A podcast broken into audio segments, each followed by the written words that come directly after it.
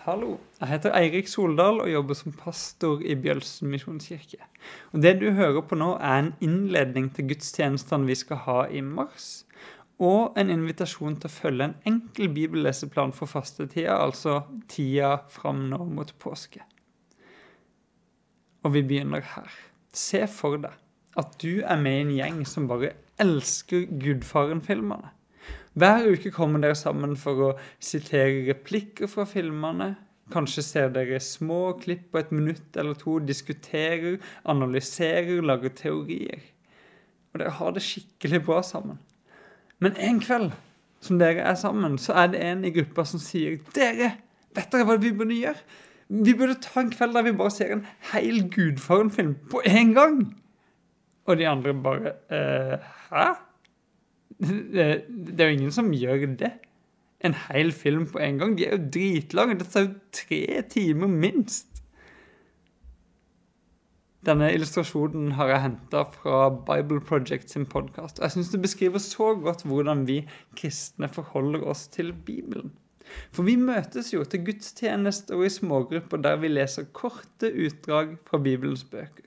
Så underviser vi, samtaler, diskuterer og synger sanger basert på disse tekstene.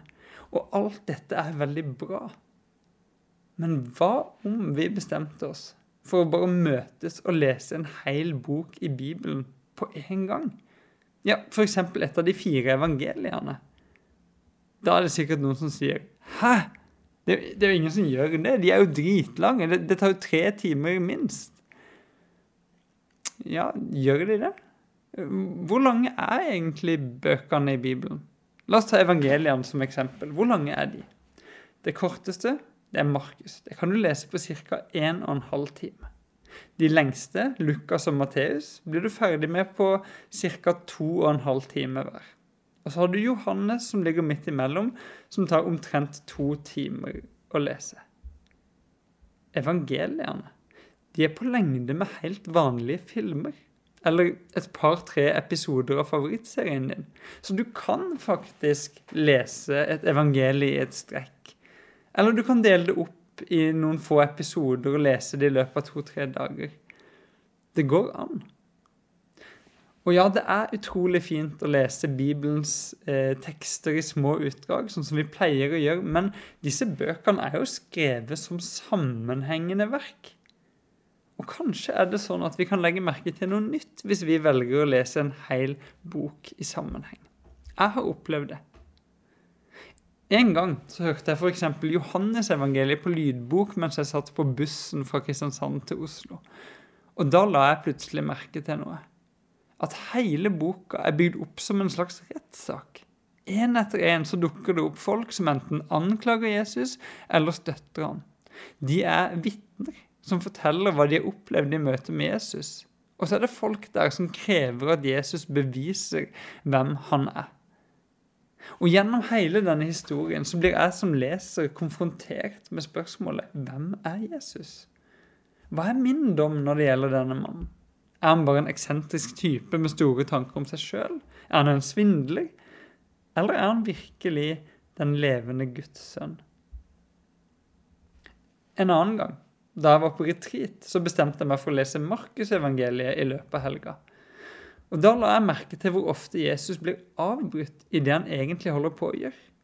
Og at mange av de viktigste tingene som skjer med Jesus, skjer nettopp fordi noen avbryter ham. Kanskje har jeg noe å lære av det? Ja, for det første at jeg har lov til å avbryte Jesus, fortelle han om mine behov i bønn. Men også at jeg kan se på meg sjøl åssen jeg legger opp livet mitt. Jeg legger planer. Men, men hva om det er i avbrytelsene det viktigste i livet mitt ofte skjer? I dag, når jeg leser inn denne lille podkastepisoden, denne innledninga, så er det askeonsdag. Dette er første dag i fastetida, de vel 40 dagene på veien mot påske.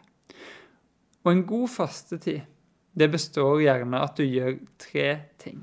Det første er å søke Gud. Det andre er å avstå fra goder som f.eks.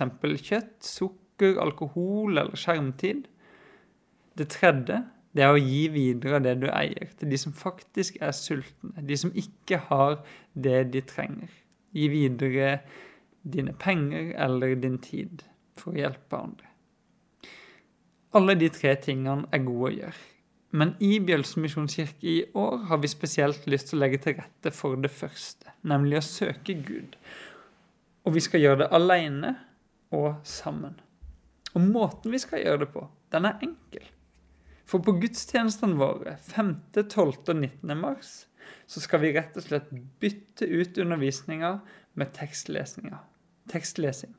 Vi skal høre hvert eneste ord i Markusevangeliet. Og samtidig skal vi se Jesus sin vandring fra Galilea til Jerusalem gjennom filmene til Lumo Project, som faktisk er ganske gode. Jeg tror det her, å sammen gå gjennom et helt evangelie, vil være en spennende og rik opplevelse for oss som fellesskap. Og vi skal få lov til å gjøre det sammen. Men parallelt, hver for oss, så har jeg lyst til å invitere deg og meg sjøl og alle andre til å lese Markus evangeliet alene. Jeg har funnet en fin leseplan for Markus evangeliet, som er lagd for fastetida. Og denne her boka er jo kort. Derfor blir det så overkommelig. Så hvis du skal lese 40 dager, så er det bare snakk om to-tre minutter per dag. Det, det må jo kunne gå an. Og dag for dag, om enn dette er kort, så hjelper disse tekstene deg og meg å følge Jesus på veien mot påske, mot kors, mot død og oppstandelse. Jeg deler lenker til det her i podkastbeskrivelsen, så du kan eh, laste ned og kanskje også skrive ut leseplanen sjøl og krysse av for hver dag som går. Uansett hva du blir med på, så håper jeg at vi som fellesskap, Bjølsen misjonskirke, både hver for oss med åpne bibler og sammen på gudstjenestene med åpne ører, kan få gripe litt mer av hvem Jesus er i ukene som ligger foran oss. Og kanskje blir vi stående som den romerske soldaten foran korset som sa Sannelig, denne mannen var Guds sønn. Velkommen til mars. Velkommen til fastetid i Bjølsen misjonskirke. Velkommen til å bli med på en reise gjennom Markusevangeliet. Jeg håper å se deg der.